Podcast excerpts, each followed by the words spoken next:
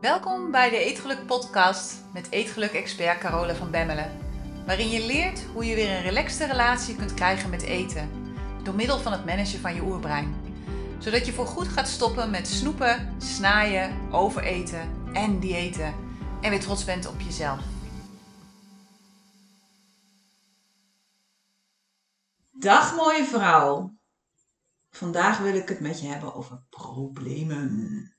Ik moet dan meteen aan Brigitte Kaandorp denken. Die heeft een prachtig nummer opgenomen waarin ze zingt dat ze een heel zwaar leven heeft. Nou, ik heb geen heel zwaar leven, maar net als ieder mens heb ik natuurlijk ook problemen.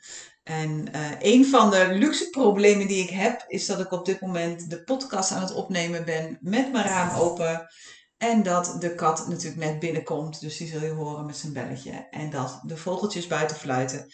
Dus als je achtergrondgeluiden hoort, dan uh, weet je dat het mijn luxe problemen zijn. En dat geef ik eerlijk toe. Maar toch, weet je, het bijzondere van problemen is dat we ze vaak ervaren als negatief. Maar eigenlijk zijn problemen het beste wat je kan overkomen. Want ons brein is namelijk gemaakt om problemen op te lossen. Het is een probleemoplossingsmachine. Dus als er geen problemen zijn, dan zal je brein problemen creëren. omdat het wat te doen wil hebben. Omdat problemen voor je brein een bewijs zijn dat het bestaansrecht heeft. Het zal eenvoudige dingen ingewikkeld maken en het zal allerlei redenen bedenken waarom iets dat nu nog geen problemen oplevert, dat in de toekomst vast en zeker wel zal gaan doen. En vervolgens zal het ook gelijk nu al een oplossing voor je bedenken. Want ja, als we er dan toch mee bezig zijn, dan kun je dat meteen wel even meenemen in het verhaal. dus problemen zijn de brandstof voor je brein. Ons hele leven bestaat uit het oplossen van problemen. Het oplossen van problemen is waar ons brein goed in is. problemen ontstaan dus altijd in je brein. Iets is pas een probleem als we er een probleem van maken. En tot die tijd is het gewoon een situatie. En situaties zijn altijd neutraal. dus totdat je brein het oppakt en er een heel verhaal bij gaat verzinnen, bestaat een probleem niet. Wanneer je dus in dit moment problemen ervaart, is het meest zinvolle dat je kunt doen de feiten te scheiden van het verhaal. Dus wat is er werkelijk aan de hand en wat is je mening over dat wat er aan de hand is? Wat vind je van dat wat er aan de hand is? Wat zijn je gedachten over de situatie? En wanneer je dat doet, dan krijg je vaak al vrij snel helder dat er eigenlijk helemaal geen probleem is. Maar dat er gewoon een verschil is tussen de situatie zoals deze is en zoals je wenst dat die is. Dus nogmaals, hou in gedachten dat je de meeste problemen niet bewust creëert, want niemand zit natuurlijk te wachten op problemen. Het is je brein dat zichzelf bezighoudt. Ons hele leven hangt aan elkaar van problemen. Alles wat zich in dit moment in je leven bevindt, is ooit begonnen met een probleem dat iemand heeft opgelost. Eigenlijk wel grappig als je het zo bekijkt. denk bijvoorbeeld aan auto's, denk aan huizen, maar denk ook aan elektra en aan water en aan riolering of aan mobiele telefoons, aan computers. Alles, echt alles wat ooit is ontwikkeld, is begonnen met een probleem waarvoor iemand een oplossing heeft bedacht. Leuk hè, als je er zo naar kijkt. Het creëren van een probleem en dat oplossen en daardoor vaak vervolgens weer een nieuw probleem creëren en dat weer oplossen, dat is wat ons heeft gebracht waar we nu staan. Dus problemen zijn eigenlijk helemaal geen problemen. Als je ze tenminste bewust oplost. Als je ze oplost vanuit de toekomst. Dus door ze op te lossen vanuit de gedachte hoe je dingen beter kunt maken voor jezelf en voor anderen in de toekomst. Dan is een probleem eigenlijk alleen maar een kans om weer een stapje te zetten in je ontwikkeling dus de eerste stap die je dient te zetten wanneer je nu problemen ervaart, is dat je de situatie helder en neutraal in beeld brengt. En dat je begrijpt dat de situatie nooit het probleem is. Maar dat het probleem, zoals gezegd, ontstaat in je hoofd door de gedachten die je erover denkt. En de gedachten die je erover denkt, die bepalen weer hoe je je voelt over de situatie en hoe je het probleem vervolgens ervaart. Maar ook hoe je het probleem oplost.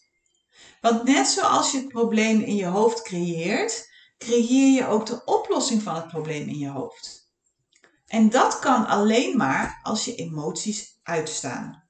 dus wanneer je heftige emoties ervaart, is de kans groot dat je er alles aan zult doen om het probleem zo snel mogelijk uit je leven te bannen. Of dat je in een slachtofferrol schiet en gedachten denkt als, weet je, het is niet eerlijk, hoe kan dat nou, waarom gebeurt dit nou? maar wanneer je vanuit je emoties gaat reageren op wat voor probleem dan ook, dan probeer je het altijd onbewust op te lossen. Je probeert dan om het zo snel mogelijk uit je leven te verbannen en dat is altijd korte termijn politiek. Daarmee behaal je geen blijvende resultaten en daarmee richt je waarschijnlijk alleen maar meer schade aan. En daarom is het zo belangrijk om je te focussen op de feiten. Want wanneer je dat doet, dan kun je neutraal worden ten aanzien van het probleem. En daardoor is het veel makkelijker om te bedenken wat je gaat doen en de juiste actie te ondernemen. En heel vaak bestaat deze juiste actie uit wachten. Echt serieus. Als je wacht, lossen de meeste problemen zich vanzelf op. Ik weet nog wel dat ik vroeger de winkel had. En uh, altijd op onze eerste vakantiedag uh, zette mijn ex die de mobiel uit. We reden dan vaak naar Oostenrijk of naar Italië. En uh, op die eerste dag dat wij weg waren, zette die s'morgens de mobiel uit. En pas na zes uur s'avonds zette die me aan. En dat deed hij heel bewust, want de eerste paar uur als wij weg waren, dan gingen mensen altijd bellen. En dan waren er allerlei problemen die we op moesten lossen. En het grappige was dat we aan het eind van de dag dan vaak weer een telefoontje kregen van nou je hoeft niet meer uh, terug te bellen, want het is opgelost. Dus gewoon door heel simpel te wachten, uh, creëerde hij een heleboel rust voor onszelf in dat hele vakantieproces. Dus wachten in plaats van het kortsachtig doen van dingen, um, helpt je al om neutraal te worden naar een probleem en de juiste actie te ondernemen. dus maak het simpel, hou het eenvoudig en maak het overzichtelijk. Wat ook vaak gebeurt is dat we problemen stapelen. Dus als je een probleem ervaart en je brein gaat volledig op hol, dan verzint het er gelijk nog tien mogelijke problemen bij. dus er is een probleem, je brein slaat op hol, en het zegt je, oh maar wacht even, maar dan wordt dat ook en dan kan dat ook ontstaan, dan kan dat ontstaan. Als dat ontstaat, kan dat ontstaan. Nou ja, dat kennen we denk ik ook wel. En Danny noemt dat dan de Tibetaanse gebedsmolen. Dat kan ik heel goed als er in, in, in de periode van de maand kan ik dat heel goed, zeg maar. Nou, al deze problemen worden al heel snel een grote kluwe van gedoe. En daarbij komen natuurlijk de nodige emoties en drama en soms ook nog onverwerkte pijn uit het verleden. Dus voordat je het weet is het één grote bal van ellende. En wanneer je in zo'n probleem verzeild raakt, is het heel lastig om de feiten en de fictie van elkaar te scheiden. En je raakt dan verstrikt in een kluwe van emoties waar je bijna niet meer uit kunt komen. En zolang je gevangen zit in emoties, is het niet mogelijk om welk probleem dan ook op te lossen. Zodra je namelijk gevangen bent door je emoties, neemt je oerbrein de regie over en ga je volledig automatisch reageren. Pas wanneer alle emoties zijn gaan liggen, gaat je mensenbrein, hè, want dat is de ware probleemoplosser, dat gaat aan en dan kun je gaan nadenken over een oplossing. Dus zolang je emoties actief zijn, staat je mensenbrein uit. Pas wanneer de emoties zijn gaan liggen, gaat je mensenbrein aan en kun je nadenken over een oplossing. Niet voor niets is dat nachtje ergens over slapen uh, um, een heel goed idee wanneer je dus problemen ervaart op dit moment, is het beste wat je kunt doen dat je wacht tot de emoties rond het probleem zijn gaan liggen. En vervolgens kun je dan alle feiten op tafel leggen en kijken wat er nu echt het probleem is. En wat interpretaties zijn van je brein van een situatie die op dit moment speelt. Pas dan kun je dingen echt op gaan lossen. En de meeste mensen zijn zich hier niet van bewust. Die zijn als de dood voor problemen. En wat ze doen is dat ze hard wegrennen als ze alleen al ruiken dat iets in de toekomst wellicht een probleem zou kunnen gaan worden. En dat wegrennen doen ze natuurlijk niet letterlijk, hè, maar dat gebeurt in de vorm van jezelf verdoven door bijvoorbeeld te gaan eten of te drinken of scrollen op een of ander apparaat. Maar in plaats van jezelf afleiden en hopen dat het probleem vanzelf verdwijnt, kun je ook eens eerlijk gaan kijken naar wat er nu eigenlijk echt aan de hand is wat zijn de feiten? Wat zijn de gedachten? En wat is er nu eigenlijk echt waar je je druk over maakt? Is er wel echt brand? Of gaat het om twee lucifers die in een asbak liggen te gloeien? Want ons brein is erg goed in drama. En wanneer je dat doet, trek je jezelf uit het probleem en kijk je van een afstandje naar alles wat er gebeurt. En daarbij is het hetzelfde eigenlijk als wanneer je in een helikopter zit. Hè? Van bovenaf zie je de dingen vaak veel helderder. En lijkt het vaak allemaal veel minder belangrijk. en weet ook dit, en dit is voor mij echt een hele belangrijke, wat mij helpt in heel veel situaties, dat alles wat in je leven gebeurt, gebeurt voor jou. Het leven is er niet op uit om je te zieken of te pesten. Het leven ondersteunt je. Iedere dag opnieuw. En jij bent niet op de hoogte van de rode draad van jouw leven. Maar jouw leven is dat wel. Jouw leven weet waar je naartoe moet. En soms zijn de dingen die je niet wilt, die je wilt, niet de dingen die je nu nodig hebt. En soms willen we van alles, maar ja, is er even wat anders wat nodig is nu. Zo zijn wij natuurlijk vorig jaar naar Zweden gekomen met de gedachte dat we hier tijdelijk zouden gaan huren en vanuit daar zouden gaan zoeken naar een fijne plek om te wonen. Nou, in december vorig jaar hadden we die plek gevonden, tenminste, dat dachten we. En uh, we hadden echt werkelijk een prachtig huis gezien in Midden-Zweden, in de bergen, aan een meer. Nou ja, de Zweedse droom. Dat was echt de Zweedse droom. Het was wel een opknapper, dus er moest nog wel het een en ander aan gebeuren. Maar goed, het was te doen. Het was bouwtechnisch gewoon in goede staat. En we hebben het meerdere keren uitgebreid bekeken. En we zijn het uiteindelijk eens geworden over een koopsom. Maar we hadden nog wel wat financiële steun nodig van de bank. En dat is eigenlijk tegen mijn principes. Want ja, zoals je misschien weet wil ik graag een huis kopen zonder hypotheek. Maar in dit geval hebben we het onderzocht. En het was financieel gewoon wel de beste optie. Dus we zijn het avontuur met de bank toch aangegaan. Nou, in eerste instantie leek er geen vuiltje aan de lucht. En we wilden ook maar 10% lenen van wat we kunnen lenen met ons huidige inkomen. Dus de bank, ja, die liep daarin eigenlijk geen risico. En uh, ja, gaf ons eigenlijk ook gelijk al een eerste toezegging.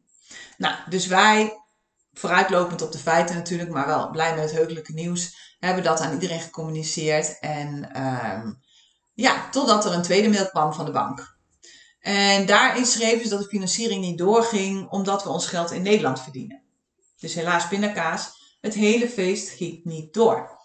En we hebben allerlei andere manieren onderzocht en uitgeprobeerd, maar overal kregen we dezelfde mededeling. U verdient uw geld in het buitenland, dus we kunnen u geen hypotheek verstrekken. Bizar, maar waar. Geloof me, ik vond en vind het nog steeds een harde noot om te kraken, want we verdienen meer dan genoeg maar we verdienen het dus gewoon in het verkeerde land. En uiteraard zijn daar natuurlijk altijd weer oplossingen voor. Dus uiteindelijk gaat het allemaal wel lukken. Maar niet op dit moment. En dat is echt zuur. want we zaten al zo ongeveer in dat huis. We hebben allerlei plannen gemaakt, allerlei offertes opgevraagd. Maar goed, tegelijkertijd is er dus een reden dat dit voor ons gebeurt. Want inmiddels hebben we ontdekt dat we eigenlijk helemaal niet op die plek willen wonen, maar dat we in de buurt willen wonen van waar we nu wonen. Of misschien zelfs wel het huis willen kopen waarin we nu wonen, want het is hier gewoon super fijn. En het geeft ons ook de mogelijkheid om het komende jaar volledig te focussen op onze bedrijven. Want zowel Danny is een bedrijf aan het opbouwen, als ik ben een bedrijf aan het opbouwen. En om daarin een stevige basis te leggen voor de komende jaren. Want geloof me, achter de schermen zijn we heel druk bezig met een aantal fikse projecten. Dus ik zat echt niet te wachten op weer een verhuizing. En wat het ook doet, is dat het ons eindelijk de ruimte geeft om eens lekker op vakantie te gaan. Want de afgelopen jaren bestonden onze vakanties voornamelijk uit opruimen of verbouwen of verhuizen. En toen we dan eindelijk op vakantie konden, nou ja, dat weten we natuurlijk ook allemaal, zat de hele wereld op slot. En nu hebben we dus eindelijk de ruimte en de mogelijkheid om er eens lekker ouderwets op vakantie te gaan. En er is tijd om de omgeving verder te onderzoeken en de mensen hier op het park waar we wonen beter te leren kennen, zodat we nog beter kunnen beslissen of dit het gebied is waar we ons definitief kunnen vestigen en willen vestigen. En we kunnen natuurlijk sparen en op die manier een betere financiële basis opbouwen voor onszelf. Maar ook alle dingen die administratief geregeld dienen te worden, kunnen we nu op ons gemak regelen. Waardoor de kans op fouten door haastwerk of stress, omdat dingen snel geregeld moeten worden, wordt geminimaliseerd. Want snelheid kennen ze in Zweden gewoon niet. Het gaat allemaal lagom, dus relaxed. en al met al is het dus helemaal niet erg dat dit gebeurt. Het geeft ons letterlijk de ruimte voor een heleboel andere dingen. Maar zo zag ik dat in het begin natuurlijk niet. Want in eerste instantie was ik echt boos. Ik was verdrietig. Ik was teleurgesteld. Er was een heleboel breindrama.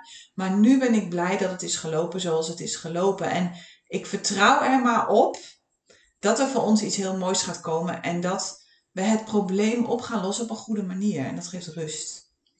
Het veranderen van mijn gedachten over het probleem door mezelf de vraag te stellen: waarom gebeurt dit voor ons? Wat is het voordeel van het feit dat het nog niet wil lukken? Dat maakt het probleem gelijk een stuk minder zwaar. Het stellen van deze vraag geeft je vaak een heel andere kijk op de zaak. want je brein wil gelijk alles negatief bekijken. En voordat je het weet zit je in de slachtofferrol. ik ook. Ik had echt gedacht als zie je wel, dan gaan we weer. Story of my life. Het gaat gewoon nooit lukken. Hebben we eindelijk genoeg geld? Verdienen we het in het verkeerde land? Het is echt het is een luxe probleem, ik weet het. Maar het is wel waar we mee moeten dealen. En het lijkt alsof we gewoon geen huis mogen kopen. En ik ben een loser, want ik ben 51 en ik zit nog steeds in een huurhuis. Nou ja, et cetera, et cetera, et cetera. Maar nadat ik mezelf de vraag heb gesteld waarom dit gebeurt voor ons en wat het voordeel is van het feit dat het nog niet is gelukt, is het probleem verdwenen en is er rust. En wanneer je jezelf deze vraag stelt bij ieder probleem waar je brein mee op de proppen komt, zul je merken dat je een heleboel problemen vrij snel kunt oplossen. Omdat ze eigenlijk geen probleem zijn, maar gewoon een bundeling van negatieve gedachten in je brein. En ik geloof ook dat Einstein dit bedoelde met je kunt problemen niet oplossen op het niveau waarop ze zijn ontstaan. Wanneer je het zo gaat zien, dan ga je merken dat je heel veel problemen kunt oplossen voordat ze überhaupt een probleem zijn. Het scheelt echt een bak. Een andere manier om problemen op te lossen is door jezelf de vraag te stellen of je het werkelijke probleem aan het oplossen bent of een symptoom van het probleem. En het klassieke voorbeeld hier is natuurlijk diëten. Je denkt dat je een probleem hebt met eten, maar is dat ook wel zo? En omdat je denkt dat je een probleem hebt met eten, focus je op je eetgedrag. Je maakt van eten de grote vijand en je denkt dat als je jouw eetgedrag onder controle hebt, dat dan het probleem is opgelost. Maar je hebt geen probleem met eten. Eten dwingt jou niet om te eten. Jouw brein dwingt je om te eten. En het probleem is dat je nooit hebt geleerd om te dealen met je emoties en dat je daarom gaat eten wanneer je een intensieve emotie ervaart. En diëten maken het alleen maar erger, omdat ieder dieet je juist nog meer vervelende emoties laat ervaren. Dus de oplossing die je denkt te hebben gevonden maakt het probleem alleen maar erger. Dus wanneer je symptomen op blijft lossen en niet het werkelijke probleem aanpakt, namelijk leren hoe je je oerbrein kunt managen wanneer je emoties ervaart, waardoor je wilt gaan eten, dan blijf je bezig. Je blijft dan onkruid schoffelen in plaats van dat je het met wortel en al eruit trekt. En dit kost je niet alleen bakken met tijd en geld, het zorgt er uiteindelijk ook voor dat je het vertrouwen in jezelf verliest, dat je het probleem überhaupt zelf kunt oplossen. En dan krijg je natuurlijk wel allerlei gevolgen die je eigenlijk niet wil.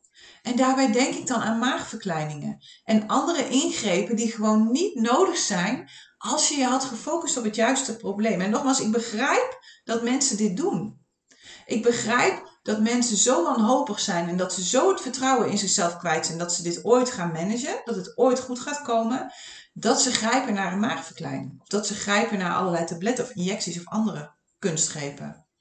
Maar als je je echt had gefocust op het probleem, hè, op je oerbrein, op het leren managen van je oerbrein, op het leren dealen met je emoties, dan was dit allemaal niet nodig geweest. En geloof me, een maagverkleining is gewoon een amputatie. Het is een verminking voor de rest van je leven. En daarmee los je ook het probleem nog niet op, want het probleem zit in je hoofd.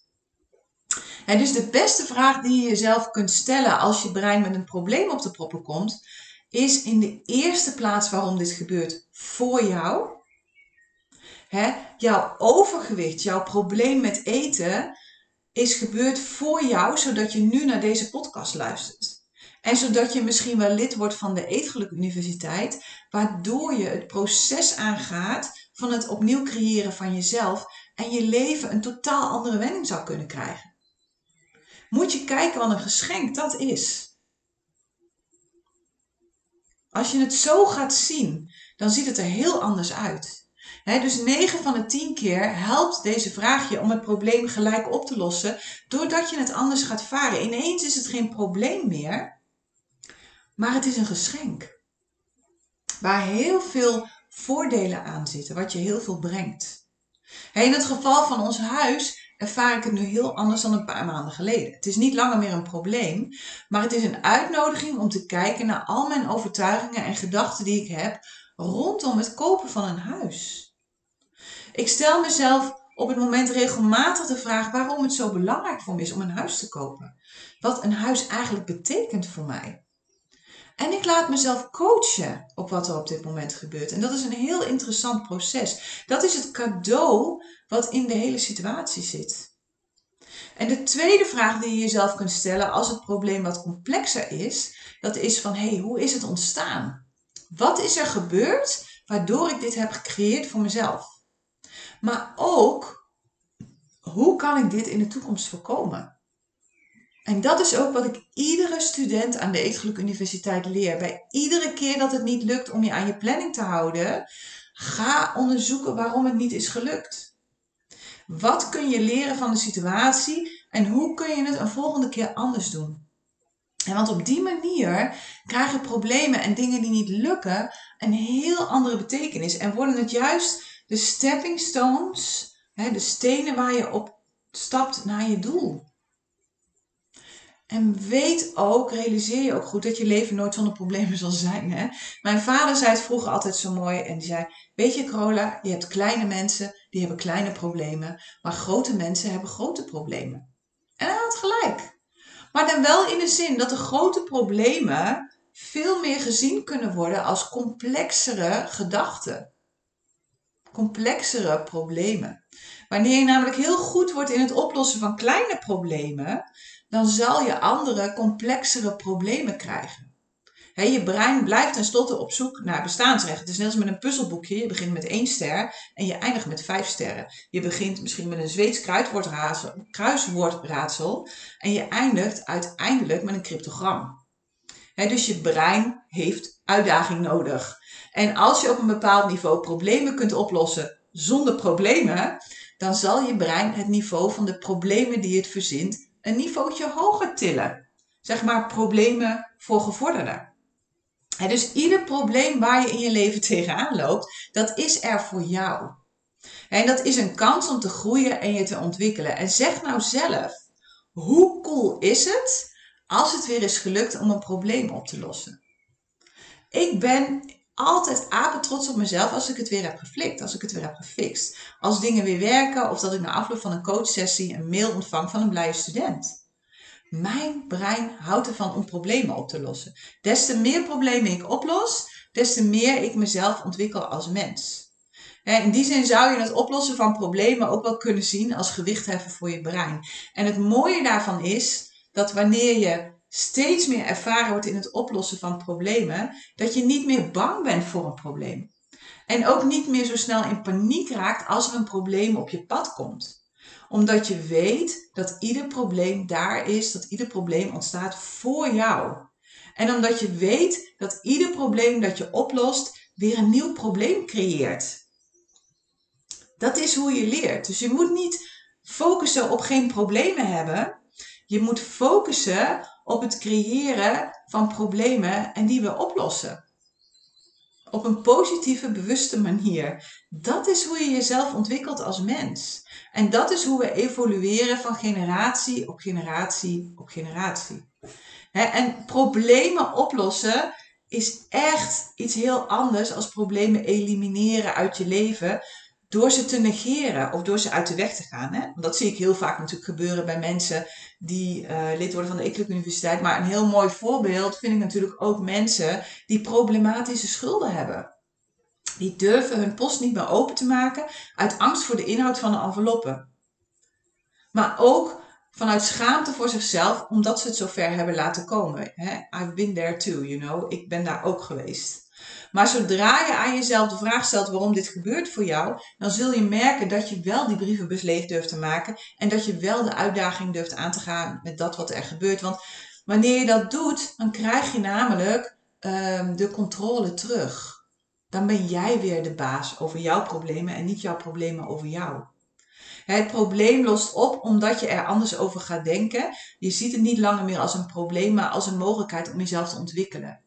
En daardoor kun je het oplossen en daardoor ga je groeien als mens. En dat is wat ik wil voor jou. Ik zou bijna zeggen amen. Goed, ik wens je een hele fijne week en wij spreken elkaar volgende week weer. Tot dan. Hey, als je het fijn vond om naar deze podcast te luisteren, dan heb ik een heel gaaf cadeau voor je. Ik heb namelijk vijf breinhacks voor je op een rijtje gezet, waarmee je direct meer controle krijgt over jouw eetgedrag. Iedere breinhack geeft je uitleg over één van de meest voorkomende eetgedragproblemen, plus een oefening hoe je dat kunt veranderen. Je kunt deze breinhacks gratis downloaden op degelukkigeeter.nl, zodat je vandaag nog kunt beginnen met het creëren van een relaxte relatie met eten.